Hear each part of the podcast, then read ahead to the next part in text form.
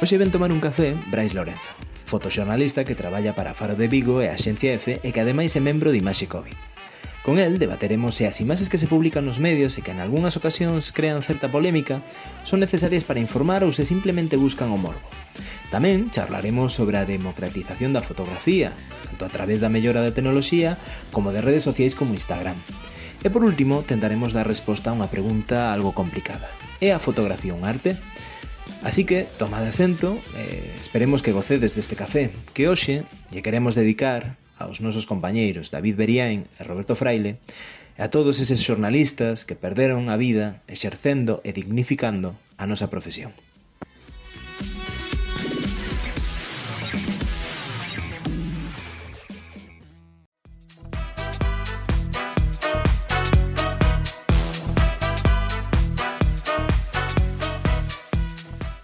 Café Derby 21, un podcast da revista Luces. Gal. O dominio galego na rede colabora con Café Derby 21. Podes visitarnos en dominio.gal.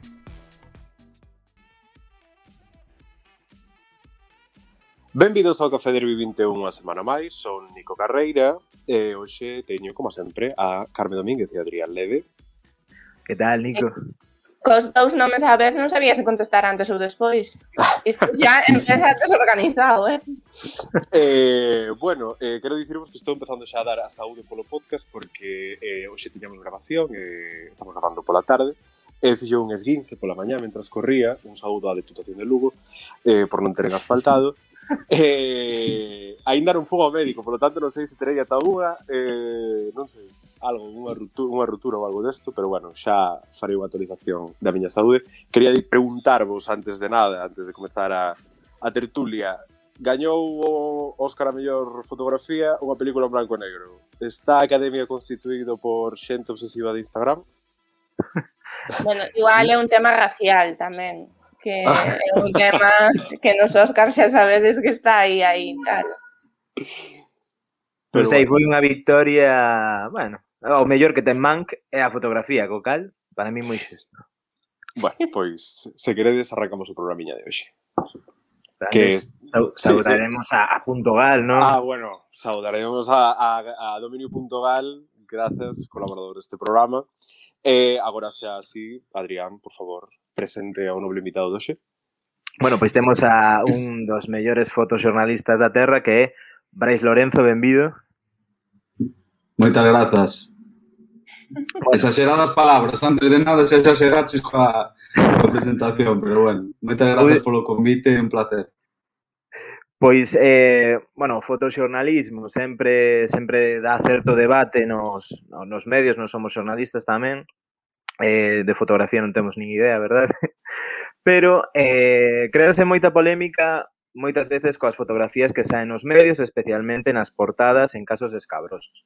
Se ven recordades mm. eh, o ano pasado, máis ou menos por estas datas, eh, El Mundo publicou unha portada eh, co tema do COVID dunha persoa morta eh, na súa casa que morreu de asfixia mentras acompañaron a facer un reportaxe a un servicio médico. Eh, aquela portada que creou moitísima polémica nas redes, especialmente en Twitter, onde tildaron a portada de Carroña e demais, pero xerou tamén certas, eh, certo debate entre fotoxornalistas. Por exemplo, Manu Bravo, que foi gañador do Pulitzer, poñía de exemplo Morte dun miliciano de Robert Capa, e dicía que esa portada hoxendía sería tildada de, esa foto hoxendía sería tildada de morbosa e demais. Logo Daniel Ochoa de Olza, que gañador do World Press Photo, e dicía que se pasara en Pakistán a xente daría igual, con uns en foto, que había un pouco de hipocresía nese tema. E logo outra opinión xa dun xornalista que Antonio Maestre dicía, alababa o reportaxe do interior, alababa o, o fotógrafo que, que Alberto Dilori, Diloli, eh, dicía que o reportaxe estaba moi ben, pero que o, o problema era que a portada alixía o director do medio con motivos políticos, para facer política. Co cal, a mí, o que os, o que, o que os plantexo a vos. Credes que ese tipo de portadas son informativas, non? Son morbosas, ás veces sí, ás veces non. Eh, que opinades? Eh, adiante. eh, que, que lle dá aquí? Veña, dalle ti, Brais. Que eres dalle ti que é especialista, claro. bueno, eu... Eh, Neste caso penso que realmente hai unha gran hipocresía, por eso que comentabas que hai como mortos de terceira clase, de primeira ou mortos de fora e mortos da casa. E nesto de mortos da casa gostaríame lembrarme hoxe de David Beriaín e Roberto Fraile, que foron asesinados en, en Burkina Faso e, bueno, todas as condolencias para a familia e todo ese tipo de cousas, unha, unha profesión tan maltratada e tan, tan extraña, non? Que, tan precarizada na que moitas veces poñemos propios cartos para facer os temas e, e xogamos a propia vida e, bueno, eles sabían obviamente o traballo que facían e, e tivo un fatal desenlace. Pero nada, toda a verdade que un xogo grande. E dito isto, pois obviamente este tipo de xente pois vai a cubrir eh, acontecementos en lugares onde hai estes mortos de, de terceira clase, moitas veces, non?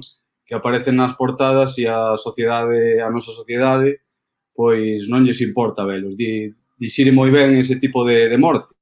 E, sin embargo, esta, esta capa que comenta de, do diario El Mundo, neste caso tivo esta polémica simplemente porque eran, eran os nosos mortos, non? Eran os mortos da casa, entón é como que a sociedade, bueno, coa pandemia en xeral, eh, foi infantilizada, pero tamén porque porque a sociedade parece como que non está preparada para digerir ese tipo de, de información. Non se son os mortos do Mediterráneo, os mortos de Siria, os mortos de África, todo ese tipo de, de morte estamos como máis acostumados, a morte na televisión, a morte ese tipo todo de parece como que todo queda moito máis lonxe e cando un tema de proximidade sí que parece que, que toca moito máis e a min realmente podemos entrar despois en cousas de gusto, mal gusto, do que aporta ou non aporta, pero a polémica que houbo e, e todo o que se montou con esa capa, con esa foto, eh, para min, personalmente, é un tema de, de hipocresía e de, de como está educada a sociedade en xeral ante estas temáticas. De feito, eh, hoxe, eh, bueno, no, no, no meu timeline de Twitter eh, apareceu un vídeo eh, de, dun rapaz que atendía nun hotel eh, que sufría eh, no medio de, bueno, non era unha atención ao cliente abuso porque posteriormente soubose que ese cliente eh, xa sabendo que esa persoa tiña unha enfermidade mental levou uno ata o límite máximo en o momento no que implosionou ou explosionou eh, el comezou a gravar a reacción e, bueno, claramente esa persoa despois contou que tiña un trastorno límite da personalidade e que, polo tanto, cando chegaba esos límites, pois eh, agredíase e facía cousas que, mm, bueno, que sí que resultan moi bizarras de ver. Eh, foi unha, unha auténtica, eh, ol, pero moitísima xente, unha, unha oleada moi grande de persoas dicindo que, eh, que por favor, que retiraran o vídeo, tal, e saiu eh, un activista eh, polas persoas racializadas a dicir que moitas persoas negras ou asiáticas que padecen enfermidades mentais que moitas veces eh, simplemente vi, eh, banalízase, viralízase o uso dos seus vídeos, pero que neste caso era unha persoa blanca, como que eh, había desde un principio como esta cousa de coitadiño, coitadiño, pobriño, que ides a arruinar a vida e todas estas cousas. E eu penso moito no que dixeche Brais de, desas vidas do Mediterráneo, eh, recordo ter eh, na miña estancia en Porto unha clase cun profesor de técnicas de imaxe que dixo respecto da fotografía esta do neno refugiado, que non recordo o nome, que morreu nunha praia. E dixo, esta foto, sí, esta foto é necesaria para Europa e, e para o resto do mundo eh, eh, é unha foto durísima, pero no que a identidade e todas esas cousas non importa, pero que de cara a Europa era importantísimo sabelo todo eh, falar cos pais e chegar ao fondo, pero que rapidamente, e el dixo, rapidamente isto vai desaparecer. Non, non ides tardar nin 15 días en esquecer que esta, que esta persoa morreu. Eh.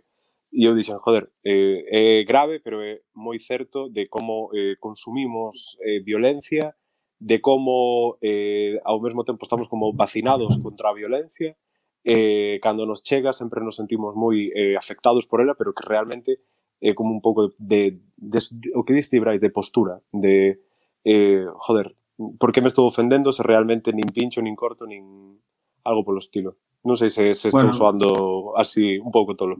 No, entendo que dis perfectamente, pero supoño que tamén eh, moitas veces dixerimos mal iso ou, bueno, na sociedade esta na, de, na que vivimos de redes sociais, de todo consumo rápido, que vamos eh, a, a a toda a carne xa, non? Pois, ao final tamén eh, pasamos desto de, de puntillas, non? E é como que, no fondo, si, si paramos a analizar certas temáticas e certas cousas que volvo mesmo que ás veces este estes xornalistas, fotoxornalistas, cámaras de televisión, etc., van a sitios ao, ao lado da casa, non? Que tamén hai desgracias xente que pasa fatal eh, en calquer esquina. A veces os grandes temas están aquí ao lado tamén, hai que saber contalos. Pois ao final se nos paramos un pouco a analizar, sí que como sociedade moitas veces sí que somos realmente culpables, ou polo menos, se non somos culpables, porque ao final non está ben ao mellor, o mellor sinalar a, a ningún culpable, moita, pero, pero sí que poderíamos facer moito máis, non? Para erradicar determinadas problemáticas sociais e ao mellor eh, non o facemos e entón cando isto está diante nosa, pois pues, ao mellor sí que afecta un pouco a, a nosa conciencia, non? Bueno, o caso de Ailan que comenta ventas, pois sí que tivo unha reacción eh, precisamente tal como acabas de explicarlo moi ben, os primeiros días, incluso por, por institucións, administracións, pero, bueno, de, finalmente foron boas palabras que, que, que caeron en saco roto e, e a situación sigue igual cada día. De feito, ainda peor, co tema da pandemia, as embarcacións humanitarias teñen que facer uns períodos de cuarentena eh, moi longos, co cal está moi dificultada a súa labor, entón digamos que hai hai trámites, hai te, tempos que, que hai que cumplir e que non poden estar rescatando no mar, que o que, que queren facer que ao final precisa a xente. Hmm. Claro, e que a min chamame moito a atención que por un lado temos como iso o que pasou con Island, non? Durante dúas semanas esa fotografía abriu xornais, eh, en redes sociales compartiuse moitísimo, falouse a todos os niveis e a esquecemos.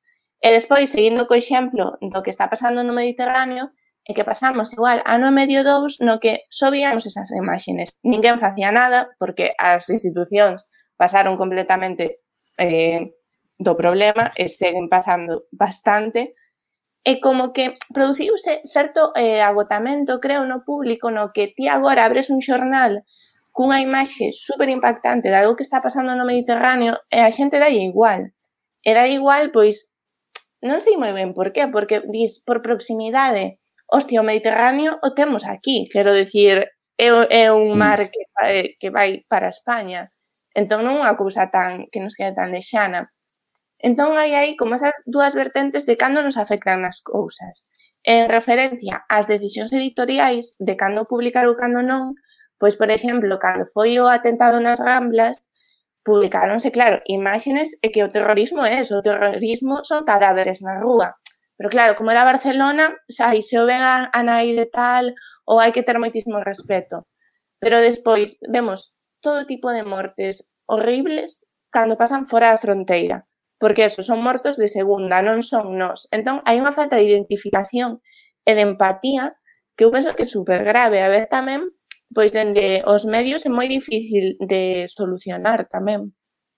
Sí, eu, eh, de feito, eh, algo que me chama moitísimo a atención eh, dos atentados de Barcelona, eh, dos atentados do, do 11M, que foi outra portada moi polémica en España, eh, do accidente do Albia en Santiago, que aquelo fora eh, super polémica a portada do de Galicia, e penso, eh, a maioría dos mortos, algún dos que se publicou, sí que se lles vía a cara, eh, falase da dignidade dos mortos e todas esas cousas, e respeto totalmente que as persoas mortas tamén teñen unha dignidade ou cousas polo estilo, pero penso en min como persoa que vive de cotío e que ve televisión e ve redes sociais e ve tal, a cantidade de mortos que teño visto da guerra de Siria, por exemplo, en plan, a cantidade de barbaridades mm. eh, que se tomaron fotos, que se tomaron vídeos, e recordo, pero perfectamente, eh, penso que me, que me ensinaron tamén nun aula, un vídeo que se filtrou de fotoxornalistas de guerra movendo cadáveres para eh, crear un plano que fora estético para os medios de comunicación europeos ou estadounidenses, por exemplo. E pareceme eh, unha, de verdade, unha auténtica locura. Unha, é, é unha tolemia colectiva. Porque é como xa a violencia preparada e a, a dignidade dos mortos según donde morras. Bueno, de prepararse... Bueno, a xente afecta as cousas se lle toca de cerca. Cando foi a explosión desta en Beirut, eh, que houve mortos e tal, a xente en Twitter ata facía coñas con ela. E cando houve unha explosión nun centro, no centro de Madrid, pouco menos que, que acabar o mundo. Eh, foi foron dúas noticias moi, moi cercanas. E o que pasa no Mediterráneo a xente dalle igual porque non lle toca de cerca. O tema de Covid sí que lle toca de cerca. E todo todo que a ti te pode afectar Porque eh, este ano estreouse unha serie chamase It's a Sin eh, que parece que fai unha reflexión moi interesante sobre ese tema. Porque fala de que a pandemia que hubo nos 80 do SIDA como só afectaba a homosexuais era un problema menor da sociedade era un problema como que non importaba. E o que fai o, o autor é comparar ese problema eh, fai certo símil co que pasa agora co COVID que como o COVID afecta a toda a sociedade é un problema maior no que todo o mundo ten que loitar para buscar unha vacina para acabar con este problema. E penso que a sociedade europea, principalmente, occidental, mellor dito incluso, eh, todos os problemas que non lle toquen de cerca, dalle igual, e pode ver o que sexa que dalle igual, pero como vexe algo que está na súa rúa, ou que está preto del, aí é cando, cando reacciona. Hmm. Tal cual. En relación ao que decías, Nico, sí que é certo, pero, bueno, quero pensar, nunca estive nunha zona de conflicto, pero que isto non é a norma xeral. Volvo mesmo os mm. compañeros que, que acaban de, de morrer e tal.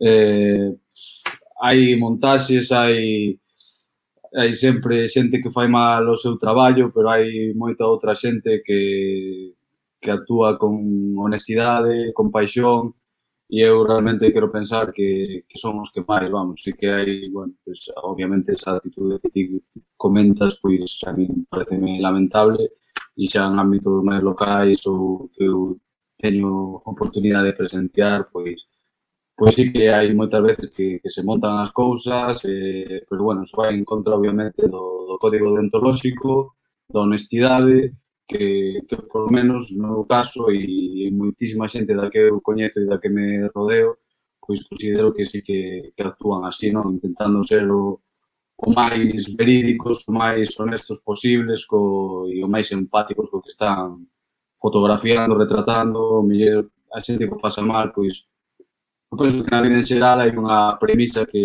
que podemos adotar sempre, que é a de non facer algo que non te gustaría que, que te fixeran a ti, non? E o mellor, eso funciona para casi todo, non? E, e se si tratas con esa empatía a xente que está diante da, da tua cámara, da tua lente, pois eu penso que, que casi sempre estás actuando ben, pedindo permisos, intentando xestionar ben os temas. A min particularmente gustame tamén humanizar as historias, non? Porque cando estás falando de, por exemplo, co tema da COVID, de, de datos, de cifras, de mortos, de, de infectados, de, pois cando logras contar unha historia concreta, un caso concreto, con nomes e apelidos, un, unha ubicación concreta, ese, esa humanización da historia dalle moita máis relevancia e, e axuda bueno, pois, pois a chegar ao espectador e, e a contar a, a problemática que está sucedendo.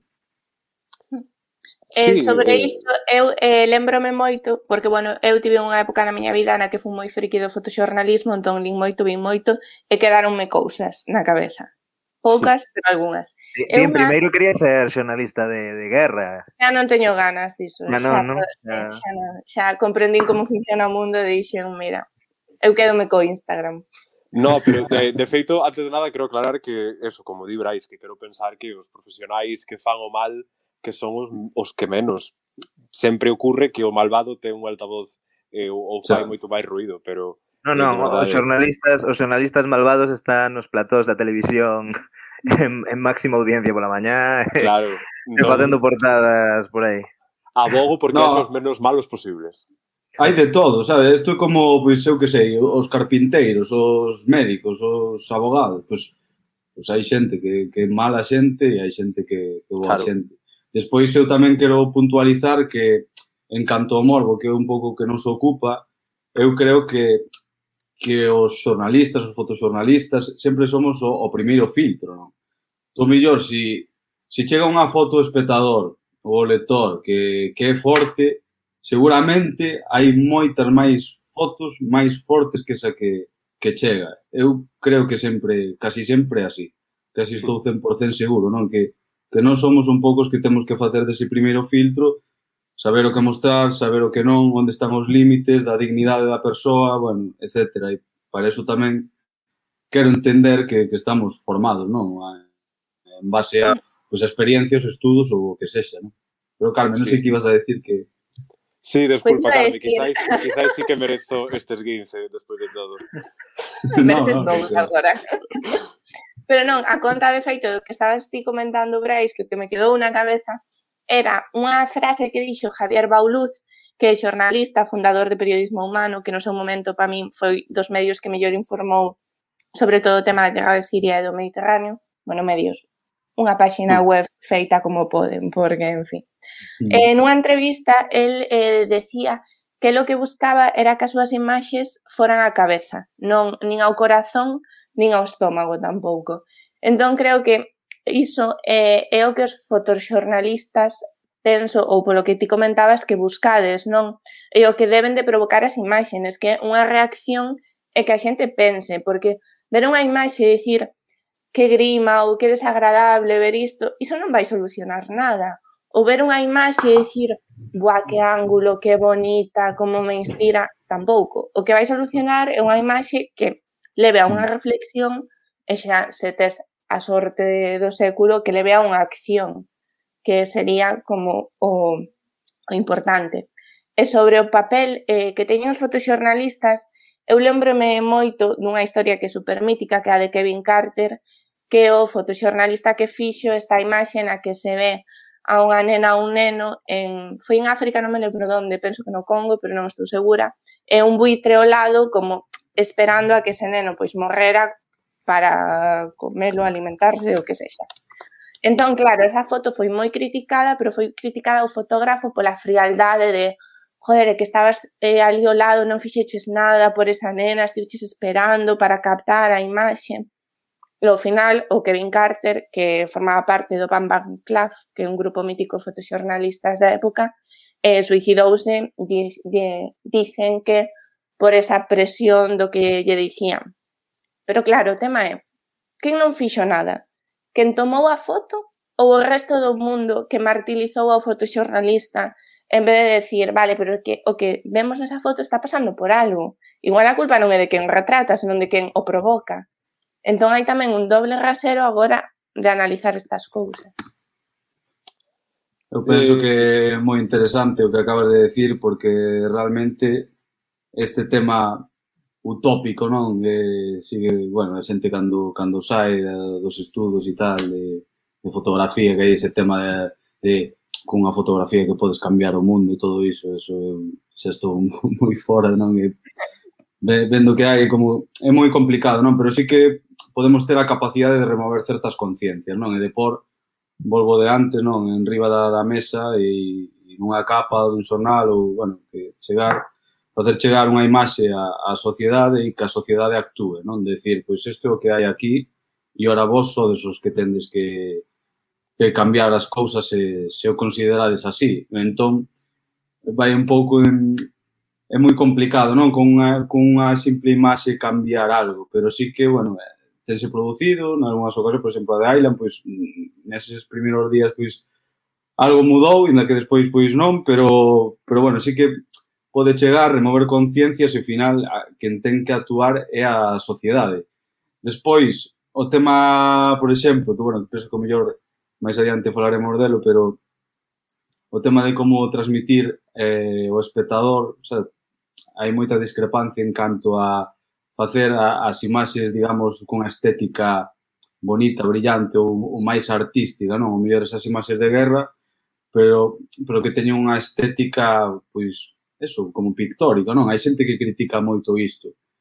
E a miña postura é que, bueno, todo que, que axude a, a entender a, a linguaxe e a, e a chegar ao espectador, pois é o noso traballo, non? É facelo ao final atractivo e que, e que chegue, non? Non é incompatible tratar temáticas sociais ou, ou de xente que, que o pasa mal, que sufre e intentar facer, pois eso, algo máis artístico, máis non sei, ao final penso que, que é importante que chegue a mensaxe. Hai moitos eh, fotógrafos que, que din que les non, que fan as fotografías para eles e que gardan eh, en discos duros. Teño un par de amigos que, que digo, pero eso non, non entendo o teu proceso, non como, como faz iso. Pero hai, hai algúns que, que actúan así, pero eu penso que, que o que é grande da, da nosa profesión é iso, facer chegar pois determinadas historias a, a xente e, e que a xente a, as vexa con nosos ollos eu tampouco son partidario de decir hai outros compañeiros que, que din que, que mostran a verdade. Non, a verdade detrás dunha cámara eso sempre é subjetivo, é imposible mostrar. É a túa verdade. Tú cando faz unha fotografía estás plasmando pois o que ti és ao final, non? É a túa cultura, a túa ao mellor eu intento ser bastante aséptico, non? Pero si sí, hai mogollón de cousas aí, non? Implícita a túa cultura, a veces a túa ideoloxía política, a túa cultura visual, artística, bueno, non sei, mogollón de todo o que ti és, a música que escoitas, o, os anos de vida que levas, a túa experiencia. Por eso é un, un valor engadido, non? Que ten, pois non sei, un fotoxornalista ou un, eh, que ten un, unha trayectoria de 20, 30 anos, vai aprendendo unha, e, non sei, adquirindo unha, unha serie de, de códigos, digamos, que, que non o ten unha persoa que acaba de seguir, por exemplo, inda que teña moito talento. Sí, a ver, todos eses eh, inputs que ti dis eh, funciona, o sea, son este, bueno, o que os grandes filósofos se chaman os sistemas operativos que funcionan por enriba de nós, eh, que estamos inscritos en culturas, eh, bueno, este tipo de cousas, pero mm, máis baixado á terra creo que eh, respecto ao que dicía Carme deste fotógrafo que non interviu eh, cre, o sea, hai unha quero pensar quero pensar e creo firmemente en que hai eh, unha rama de, dos oficios como o xornalismo, o fotoxornalismo ou o documentalismo que eh, levar tan ao extremo o efecto naturalista ou a pouca intervención de intermediario que leva a esta inoperancia de dicir eh, en o que te van a comer. Para min é mm. inhumano, pero podo entender eh, de algún xeito eh, desde a inhumanidade eh, ao seu, o seu xeito de pensar eh, son valores do ego, pero tamén quero recordar, aínda que non son persoas... A ver, aí, pero... eh, desculpa, pero... non, porque digo que un argumento en defensa que se di moito de esa non intervención, é dicir, o futuro da nena, ou neno non sei, estaba bastante claro, sabes? Entón, quero sí, dicir, sí. que vale máis? Que colla esa nena e a leve a morrer a outro lado ou que Pero perdón, era No, no, sí, sí, o en sea, pobre defensa de Kevin Carter. No, no, para nada, si eu de feito iba, ia dicir que eh, cando estamos consumindo, consumindo un documental de la 2, Los Reyes de la Sabana, e vemos como se alimentan, aí hai persoas eh, rodando eso e que non interveñen en ningún momento, eh, señor, non se coma esa gacela. Eh, son animais, non son persoas, eh, eh, e é unha cousa totalmente diferente. Pero a inhumanidade en certos graus está dentro de nós. Eh, se hai persoas que dentro do seu oficio levan ao máximo expoñente, eu non o comparto, porque como xornalista non o fago, pero eh, se hai persoas que o fan, eh, de algún xeito son capaz de entendelo. Eh, o dos valores do ego, mm, Carme que trae aí unha couseña preparada, eh, sabe perfectamente polas redes sociais. Vamos a ver. Mm. Esta entrada Esta entrada é eh, dignísima de calquer... Vaya centro para que remates de chilena. Vamos a ver, esta entrada acaba de ser digna de calquer matinal de televisión. Efectivamente. Entón, falando de ego, e fotografía, eu veño aquí a facer un PowerPoint de Instagram, señores. Que é o meu novo presenta... Eh... Sí, como xa fotoxornalista chego tarde, agora vou a ser instagramer de cousas aleatorias. A instagramer tamén chegas eh. tarde. Bueno, a ver, deixadme vivir un pouco, por favor. Bueno, o caso, eu non sei se sabedes, pero se non, ídelo saber agora, Instagram naceu en 2010 e naceu porque a muller do fundador, bueno, este fundador quería crear unha red social que se basara na imaxe. E comentoulle a idea a muller. E a muller dixo, claro, pero é que eu non teño ningunha cámara profesional, o meu móvil saca fotos malísimas, e teño moitísima vergoña de subir estas fotos cutrísimas a unha red social. Entón, o fundador de Instagram que dixo? Pois vou meter filtros. Entón, Instagram basicamente naceu para disimular a toda esa xente que tiña cámaras malas na altura ou que non sabía facer fotografías cunha calidade máis ou menos decente para poder disimular. Isto, como sabedes, foi crecendo e agora vivimos nun mundo absolutamente culturizado eh, por Instagram no que a imaxe é super importante e incluso é unha rede social que é un pouco escaparate profesional en algúns casos e sobre todo persoal para moitos de nós. De feito, de, fixe un gran descubrimento que o profesor Lev Manovich, que é un profesor de novos medios de Estados, de Estados Unidos, ten un concepto que é o instagramismo, que é un movimento que eh, di que isto é un movimento integrador de identidade eh, cultural contemporánea.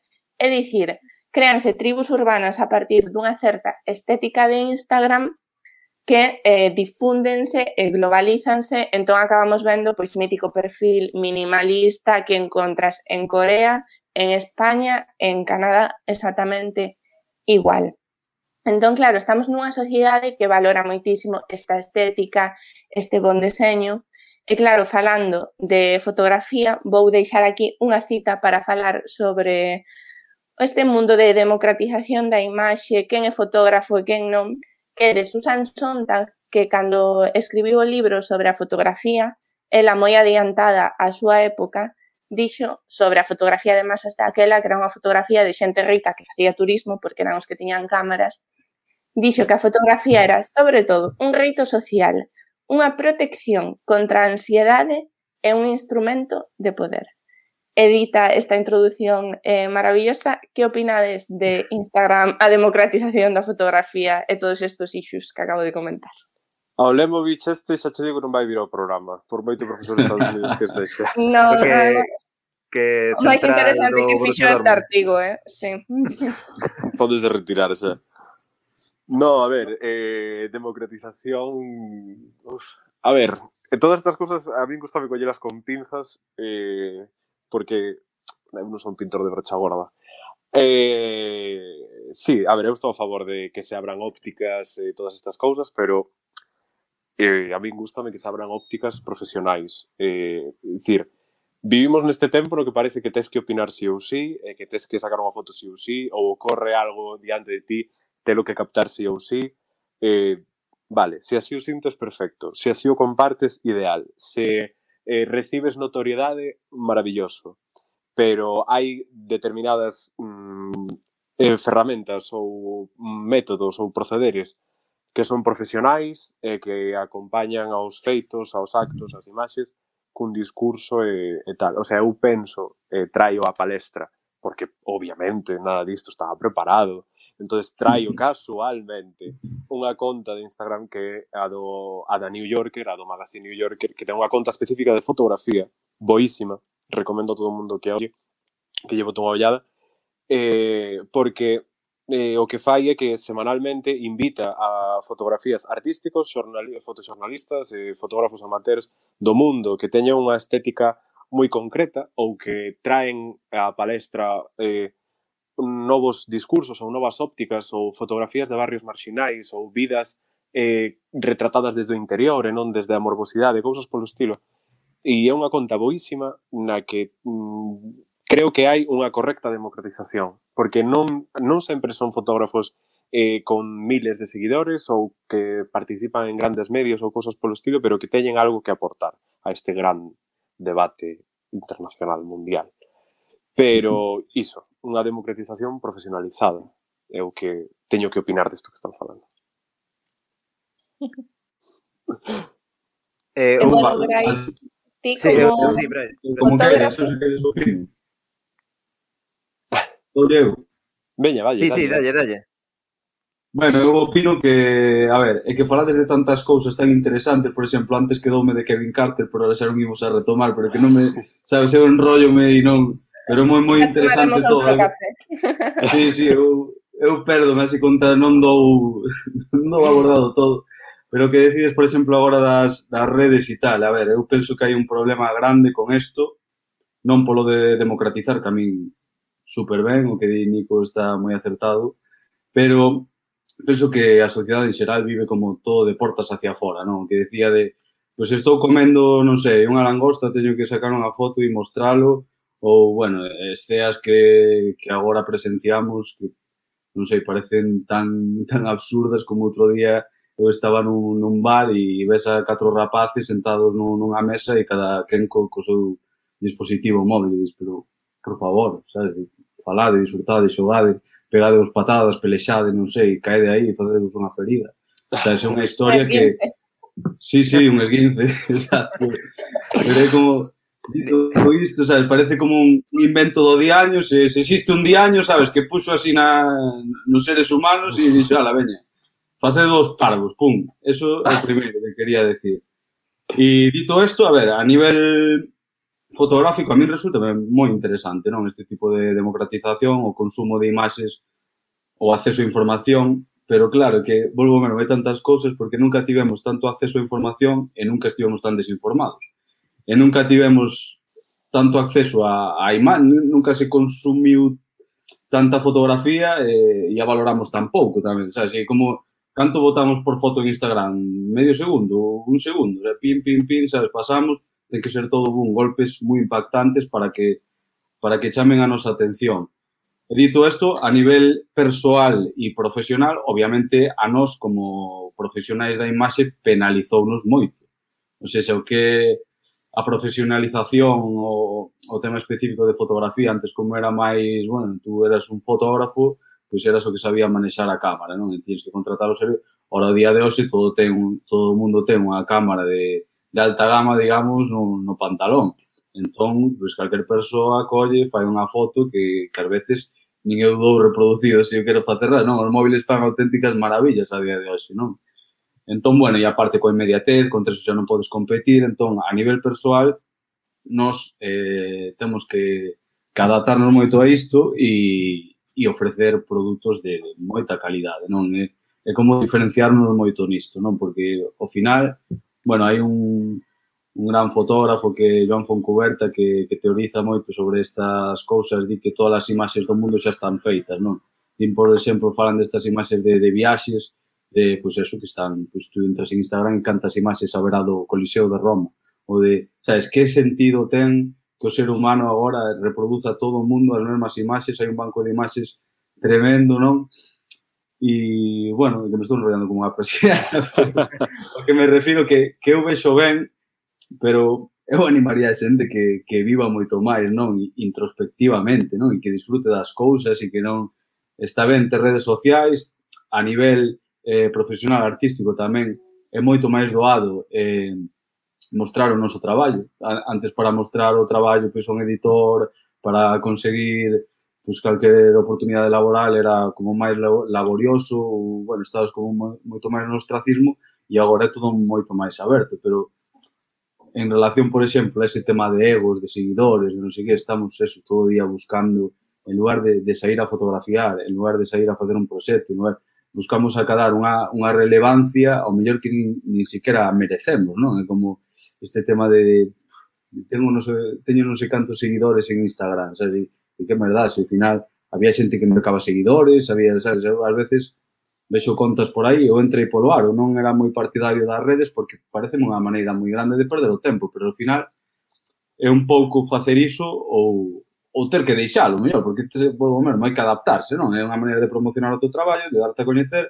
A mí xa me teñen saído varios encargos por redes sociais, sabes? E, e moitas veces falas coa xente e, e dinche, jova, que, que foto máis chula vin outro día e digo, e onde a biches? E dime, no, en, na rede, en Instagram, en Twitter, ou, é moi raro xa que che diga, no, é publicada neste xornal. Entón, bueno, nos temos que aproveitar iso, pero si sí é certo que, que para min é, non sei, foise, foise de nai completamente o tema. Para, para, para o meu gusto é, é complicado xestionalo, non? É, os seguidores, os egos, eh, e teño moitos likes, moito non sei, eu penso que, que o camiño un salir máis a traballar, a producir temas, obviamente difundilos en redes, pero vivir sobre todo, vivir e, e facer o que, que nos gusta e o que lles guste a fotografía que a fagan tamén, obviamente. Eu quería falar da, da democratización en xeral, que é un dos temas favoritos do Café Derri. Penso que xa falamos eh, na metade de programas, falamos eh, da democratización. Penso que non se sabe para nada que debemos ser demócratas ou algo por sí, sí, a tope con Biden. Sí, sí uf, muchísimo, muchísimo. Non, pero eh, fora broma, sí que é un tema que tocamos moito. Eh, sempre o apoyamos. Eh, de feito, a nos favorecenos agora de, de poder ter unha ventá eh, que este podcast que ao mellor non o teríamos anteriormente porque non teríamos un sitio nunha radio. E agora, grazas ás redes, podemos eh, difundir o, o noso programa, ademais.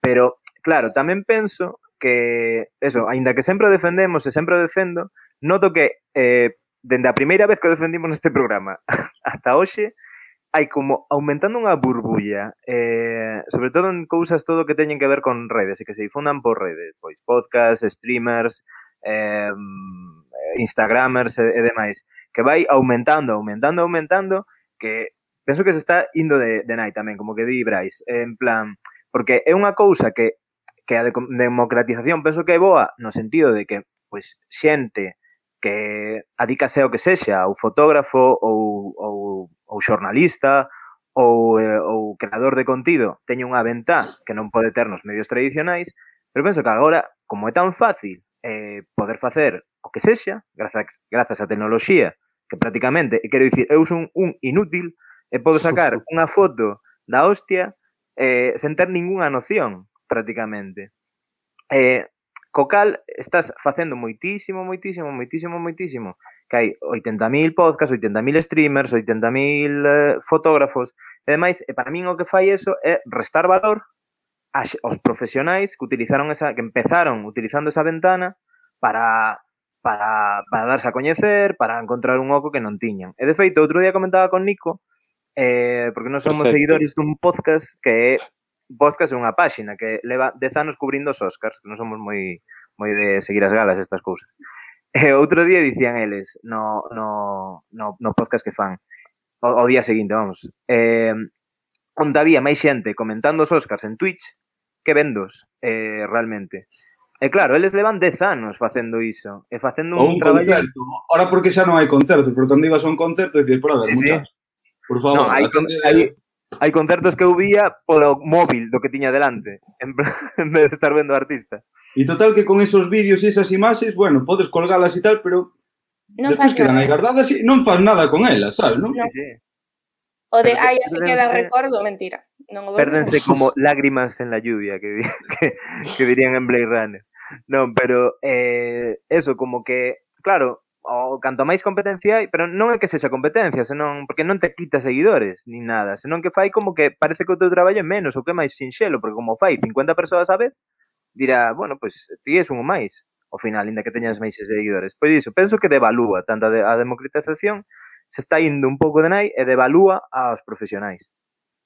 Eu quero aportar un anotamento, eh, un apuntamento eh, moi lixeiro que é eh, unha vez eh, estaba conversando co que fora o meu profesor de filosofía en segundo de bacharelato, eh, que nos levábamos moi ben, e plantexeille xantón esta cousa de acumular cousas, e eh, cousas en xeral, pero sobre todo desde que temos dispositivos que acumulan grandes cantidades de información, que nunca volvemos a consultar ou guardamos cousas que nunca volvemos a utilizar. E el díxome que dun tempo para co, sobre todo dos anos 70, que houbera unha mudanza eh, dentro das persoas e que estábamos obsesionados e que había unha cultura da acumulación pero totalmente eh, extendida que estábamos obsesionados con acumular e con deixar unha especie de legado cando morréramos de deixar cousas e que eh, a xente tuvera que gardalas por nós e como que vivirían moito máis do que nos viviríamos. A mí pareceme eh, verdad, pero ao mesmo tempo parece unha tontería como a casa. Pero creo que é irremediablemente certo de que acumulamos cousas e guardamos cousas con eso, de recordos, como que dicía Bryce, de este vídeo deste concerto que xa máis volverei, porque prefiro recordar o concerto na miña cabeza que poñerme a mirar un vídeo borroso, con, os, con as luces totalmente difuminadas E, bueno, ese era o apuntamento que quería facer. Borroso porque... porque... Borroso.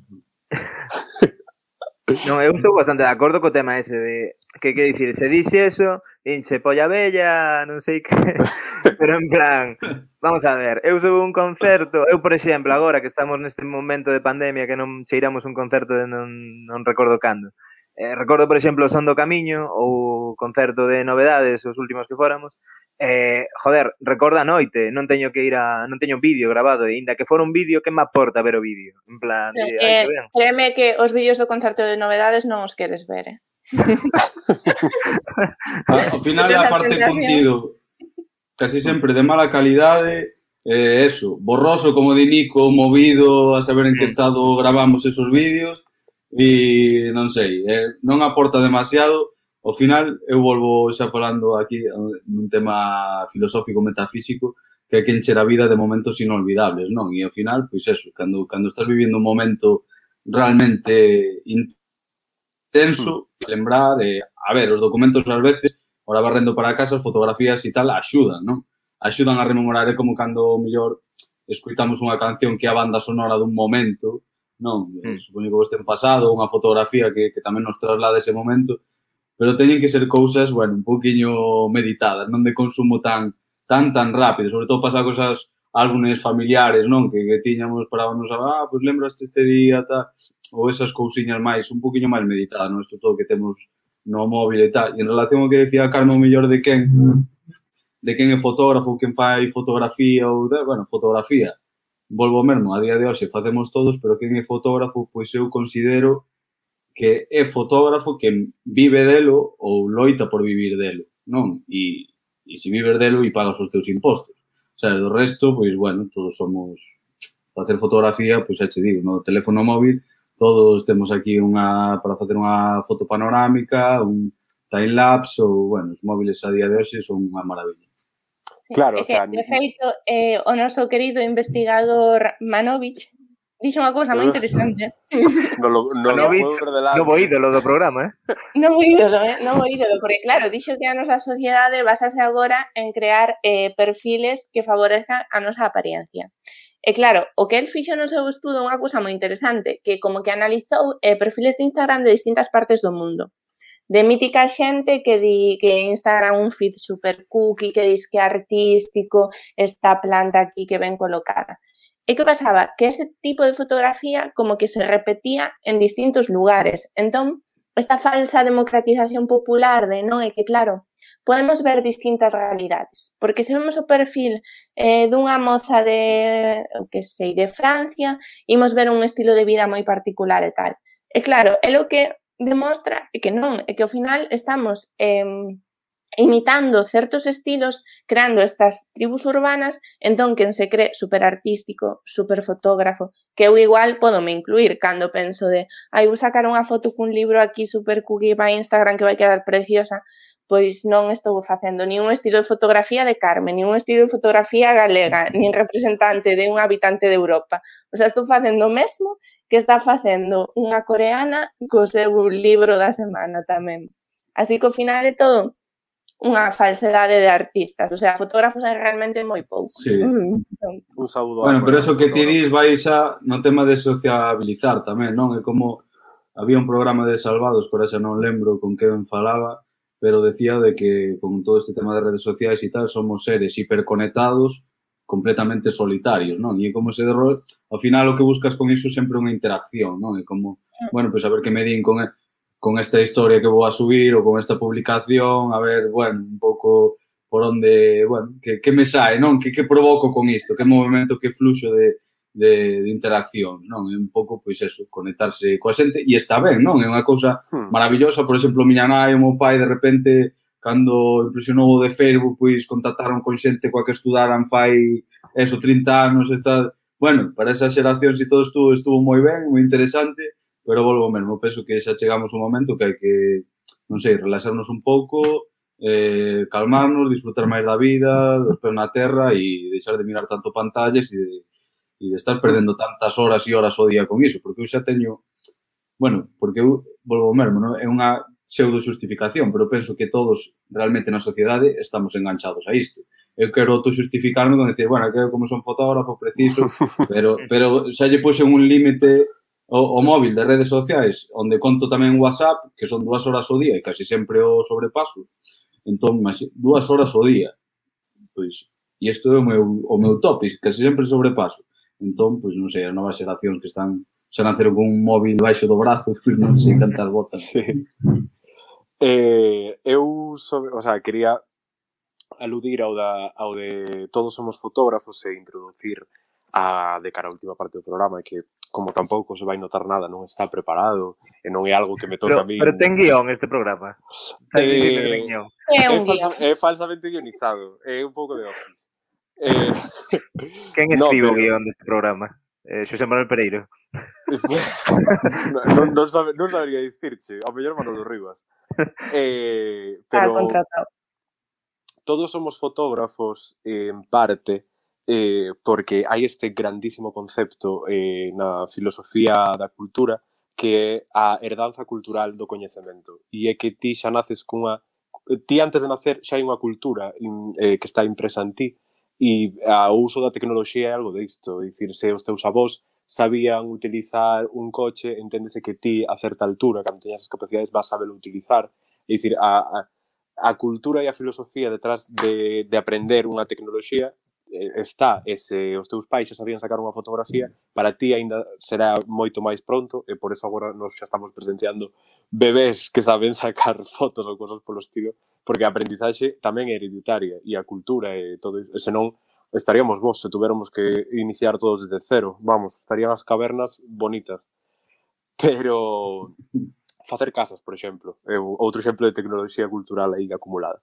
Pero eh, non me quero desviar do tema, que era que eh, para cara ao final queríamos falar desta cousa fotografía, se é unha arte ou non é unha arte, eh, e quero me retrotraer ata o, o very beginning da fotografía, que son os daguerrotipos, que naceron no ano 1839, por eh, Daguerre, que obviamente puxillo o seu nome porque outra vez os egos, eh, que non deixaban de ser as primeiras fotografías porque eh, o que se trataba era de, de pulir, de puir eh, eh, placas de, de prata ou de bronce cun, al, cun pois digamos cunha fina capa de prata por encima que funcionaban como espellos e que a través de mercurio, gases eh, tamén derivados do mercurio, cousas polo estilo eh, reproducían unha fotografía, unha fotografía que levaba 10 minutos tomar, tiñas que estar aí Exactamente, polo tanto, facer eh, retratos ou cousas destas hai moi poucos, case todos son paisaxes. eh, era unha, un procedimento moi tóxico, moita xente morreu polas inhalacións de gases tóxicos, das radiacións vertidas, cousas por estilo. Por tanto, chicos, a arte mata.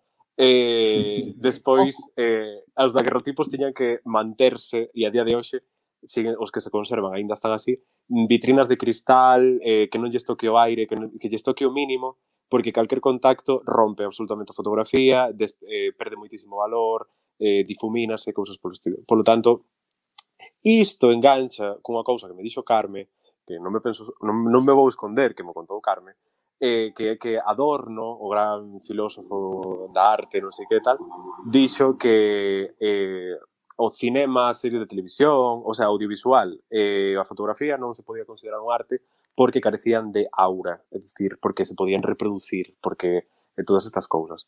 E entón o daguerrotipo, que non se pode reproducir, polo tanto, só se pode facer unha copia, podería considerarse fotografía artística de por sí. E eu con isto quero abrir o pequeno debate, mínimo debate, porque vamos xustísimos, pero un debatiño sobre eh, fotografía e arte. Chicas. Welcome to my test talk. Sí, esta, esta é a miña, é a miña test talk de. Fotografías bellas. Bueno, eu, bueno, xa que estou falando, vou a seguir. Eh, simplemente vou a facer referencia a que, bueno, a fotografía eh, pode ser un arte para min en certos contextos, certos fotógrafos e certas imaxes, pero pareceme super curioso o uso da fotografía como unha ferramenta para facer eh, según eh, que arte ou que obra. Entón, hai unha que a min eh, gustame moitísimo, que é unha obra do artista colombiano Óscar Muñoz, chamase Aliento, e a fixo como denuncia dos desaparecidos en Colombia. Entón, o que fixo foi coller imágenes pois destas persoas que estaban desaparecidas eh, imprimilas sobre unha especie de superficie metálica, pero ti só as podías ver cando tiñas como que botar o alento en riba deste metal e aparecían esas imaxes. Entón, a miña TED Talk vai acabar con esta reflexión sobre a fotografía como ausencia de en vez de como presencia de. E non vou volver a abrir a boca porque xa acabei. non moi interesante eu a verdade é que eh, a pregunta é que arte xa para empezar, porque é moi difícil eres... saber que arte, eh? Bueno, que arte, eh? Arte eres tú. Non, ah, non, gracias, Se queres levarme a cear, eh, estamos na mesma cidade agora. Eh, pero enorme, eh, enorme. non, eso xa é un debate que sempre hai en todo, en cine, en fotografía, en, en moitas historias eu non teño moi claro se penso que, que depende eh, un pouco ambiguo como todos os debates que estamos tendo hoxe son todos un pouco ambiguos eh, eu, bueno, gustaríame citar así fotógrafos tal, pero vou citar unha serie de Movistar eh, que, que, algo que, que controlo máis, que é unha serie que se chama Vergüenza que foi moita gracia porque é dun, está protagonizada por un fotógrafo pero por un fotógrafo de bodas, bautizos e comunións eh, el está obsesionado, o protagonista é Javi Gutiérrez eh, que é galego, non? Penso. Sì, è bello De Ferrol. De Ferrol, me. Eh, eh, logo non pode vir ao programa. A xente de Ferrol que é moi cariñosa toda, moi boa xente. Eh, eh, bueno, o, o, a historia é que ele é un fotógrafo de bodas, bautizos, comunións, tamén sacase eh, fotos a platos combinados eh, e cousas destas. E está, pero ele está obsesionado con facer fotografía artística, intenta facer fotografía artística anda, cando, cando lle teñen que sacar un, unha foto un, un plato de croquetas. E vai moita gracia este personaxe que ao final é bastante patético, eh, e diste, bueno, tampouco ten que dicir, el está facendo o seu traballo, tampouco entendes porque ten que ter esa obsesión, e, e quero dicir, e despois, cando fai, por fin, consigue facer a fotografía artística, que é, é unha merda, e dis, tamén, inda que intentes facer fotografía artística, podes facer merda. É dicir, non por intentalo tal, eso pasa, pode pasar no xornalismo, é dicir, eu podo intentar facer un reportaxe impresionante, pero pode quedarme unha chusta. E ao mellor estou facendo máis xornalismo facendo unha noticia dun día cubrindo unha rolda de prensa. Eh, co cal, eso, é a, é a fotografía pode ser arte? Sí, pero eh, de, depende do caso, eh, non teño nin siquiera claro o que é arte. Bueno, eu estou un pouco de acordo niso que, que di Adrián. Digo, xa, xa me meto porque dixo Nico que había pouco tempo xa. A verdade, a verdade é que, que estivo moi interesante, pero como di Adrián, moi ambiguo todo e, e había que, non sei, eu lío me mogollón falando e bueno. Eh, que arte? Pois tamén me gustaría saber a mí o que é arte, non? Eu supoño que arte vai moi relacionado co que se paga polas cousas, non? Eh, vai, vai moi relacionado coa economía, me parece a mí.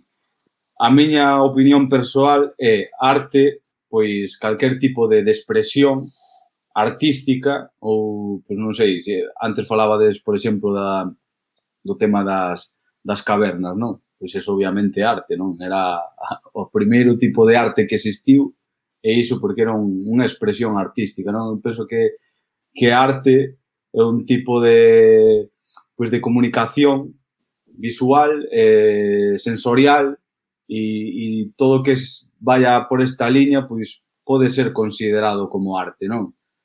Eh, con uns estándares ou unhas técnicas determinadas, pois non sei, a min dende logo a fotografía sí que, sí que se podería encadrar dentro de, das disciplinas artísticas, pero bueno, eu persoalmente a min non, nunca se me ocorrerá chamarme a min mesmo artista, non? Bueno, estudei nunha escola de arte, pero non direi, bueno, fago arte ou son arte, penso que unha, unha palabra con, con moito peso e xa que Nico falaba do, do legado e non sei que, pois en tal caso, cando morra eu algún día, eh, pois que, que, fale a xente o que teña que falar de se, se o caso, se, se non se perderon os arquivos nos discos duros por aí, non? Pero é unha palabra grande eh, e, bueno, penso que, que basicamente vai moi relacionada en canto a expresión non humana, o tema de, de relacionarse e expresarse, e eu penso que, bueno, pues que, que hai moitos tipos de arte e a fotografía, dende logo, sí que pode estar dentro dele. Carmiña, que? Ti que opinas? Pero xa dixen que non iba a falar. Xa, xa opinión. Ah, a ver, a ver, tema, tú un final poético como ningún ainda queres que fale máis. Xa, vale. Moi machista que estes aí, Nico, non escoitas a, Ai, muller. Mis panas. eh, no, eh, eu só, só quería aportar ao mellor eh, de cara ao debate que iso que a arte é algo que está moi todavía sen limitar, entón que sería moi osado pola nosa parte pecharlle, poñerlle unhas portas e un candado. Pero bueno, que sí que hai fotógrafos artistas, porque eh, o meu favorito que é Gregory Crewdson, que falei no capítulo terceiro deste podcast eh, del, eh, aguantei moito sen volver a dicir o seu nome, pero de verdade é un fotógrafo boísimo, que fai exclusivamente fotografía artística, sen vocación eh, reivindicativa, nin social, nin nada polo estilo, e é moi boa e parecen cadros de Caravaggio prácticamente. Bueno, en tanto, eh, per... sí, sí, perdón. Eh, di. Que se non esquezome, que esquezome mogollón de cousas, pero ahora acabome de lembrar que en canto a relación, por exemplo, da fotografía coa pintura sempre foi moi grande, non? De feito, o movimento pictorialista, a fotografía tamén naceu como, como apoio, un, un gran apoio para a pintura nun comezo, e, bueno, as influencias son moi grandes, moi, moitos grandes fotógrafos relacionáronse con, grandes pintores, eh, tiveron unha relación moi estreita e, e por exemplo, eh, Goya, os eh, desastres de la guerra de Goya, os grabados de Goya, pois eh, Goya está considerado para moitos como o primeiro gran eh, fotoxornalista da historia, non? Porque era eh, el plasmaba nesos grabados ao final pois esos desastres da guerra e, e bueno, pois pues volvo mesmo, volvo a reivindicar un pouco a fotografía como arte antes de que me esqueza desta vinculación coa, coa pintura, pois pues, pues que é moi grande. E, por exemplo, influencias que comentas de, de Caravaggio, Rembrandt e tal, pois pues a mí personalmente as miñas fotografías intento eh, que teñan un pouco esa, esa estética tenebrista ou ese tema non de, de esa pintura barroca, a min, a min personalmente, bueno, pues, gustame moito, tenme moi influenciado e, bueno, eu intento moitas veces xogar co, coa luz e coa sombra para, para ese claro oscuro e todo iso. eh, bueno, se queredes para rematar totalmente o programa, eh, como acostumamos facer agora, que vos parece se dicimos que nos fixo felices durante a última semana eh, para recomendar así ao grande público. Eu, pola miña parte, eh, vou dicir que o anuncio eh, do casting de RuPaul España, de Drag Race España, fixome moi feliz, porque un clip de un minuto e medio de Paca la Piraña dicindo barbaridades sempre me fai moi feliz. Sí. E recomendo moito a que as persoas se sumen a, a, este, a este programa de competición porque penso que vai ser moi bon. Eh, supoño que en algún punto retomaremos no programa en vindeiros en vindeiros convidados, pero eh, sobre todo porque hai moito artista visual e están bastante ardidos con este tema. E tiro vos a pelota o resto pois eu eh, o que me fixo máis feliz fo, foron as victorias nos Oscars de vou miralo porque non sei como se pronuncia o nome desta muller. Jong Jung-hoo que é o que se pronuncia. Casi, máis ou menos máis ou menos que é a actriz secundaria de Minari, a boa de Minari, que gañou o Oscar a mellor actriz, deu o único momento divertido da noite sí. eh, cando falou con Brad Pitt e tal, E logo a victoria inesperadísima de Anthony Hopkins por eh, o pai. Eh, pero aparte foi un momento moi estranho. Bueno, a gala dos Oscars foi un circo absoluto. Eu pillei nas 5 da mañá, ou seja, quedeime dormido, desperteime eh, para ver o eh, desperteime así porque tiña que ir a mexar, non por outra cousa, para ver o tramo final. Eh, bueno, é eh, un puto desastre aquilo, pero bueno, moito mellor os Goya. Eh, pero bueno, Victoria Anthony Hawkins, maravillosa. Eh, recomendo, bueno, ir a ver, creo que ainda podense pillar nalgúns cines o Pai sí. e Minari. Así que, eh, ido ao cine eh, e disfrutade, pero son dous, dous peliculóns. E eh, bueno, vou tirar pola literatura, porque que estou vendo Juego de Tronos outra vez, entón non vou falar disto porque xa todos sabemos aquí a merda que foi o final. En fin, de literatura... Temos un programa, temos un programa con Antía Yáñez no que falamos bastante de Xogo de Tronos clickbait, veña. Entón, eh, fíxeme moi feliz. Eh, Hamnet, que é unha obra de Maggie O'Neill que conta a historia da muller de Shakespeare, facendo un gran detalle que non mencionar a Shakespeare, igual que non se mencionaron ou que sempre se mencionan as mulleres de Naide. Entón, Shakespeare aquí é pai de eh, home de. Entón conta a historia desta muller e a morte do seu fillo Hamlet, que foi o que inspirou a coñecida obra. É un libro boísimo, a autora é maravillosa, o recomendo moitísimo porque ademais e implícase moito en contar estas historias paralelas que quedaron un pouco esquecidas dentro da historia oficial, inda que ficción pois rescata un pouco estas protagonistas. E despois outro que tamén disfrutei moitísimo é eh, Miss Marte, de Manuel Javois, que é como ler unha columna del. É super entretida, ten sentido de humor e vez, eh, de vez en cando mete esta filosofía de andar por casa que le se disti, ai mira, pois,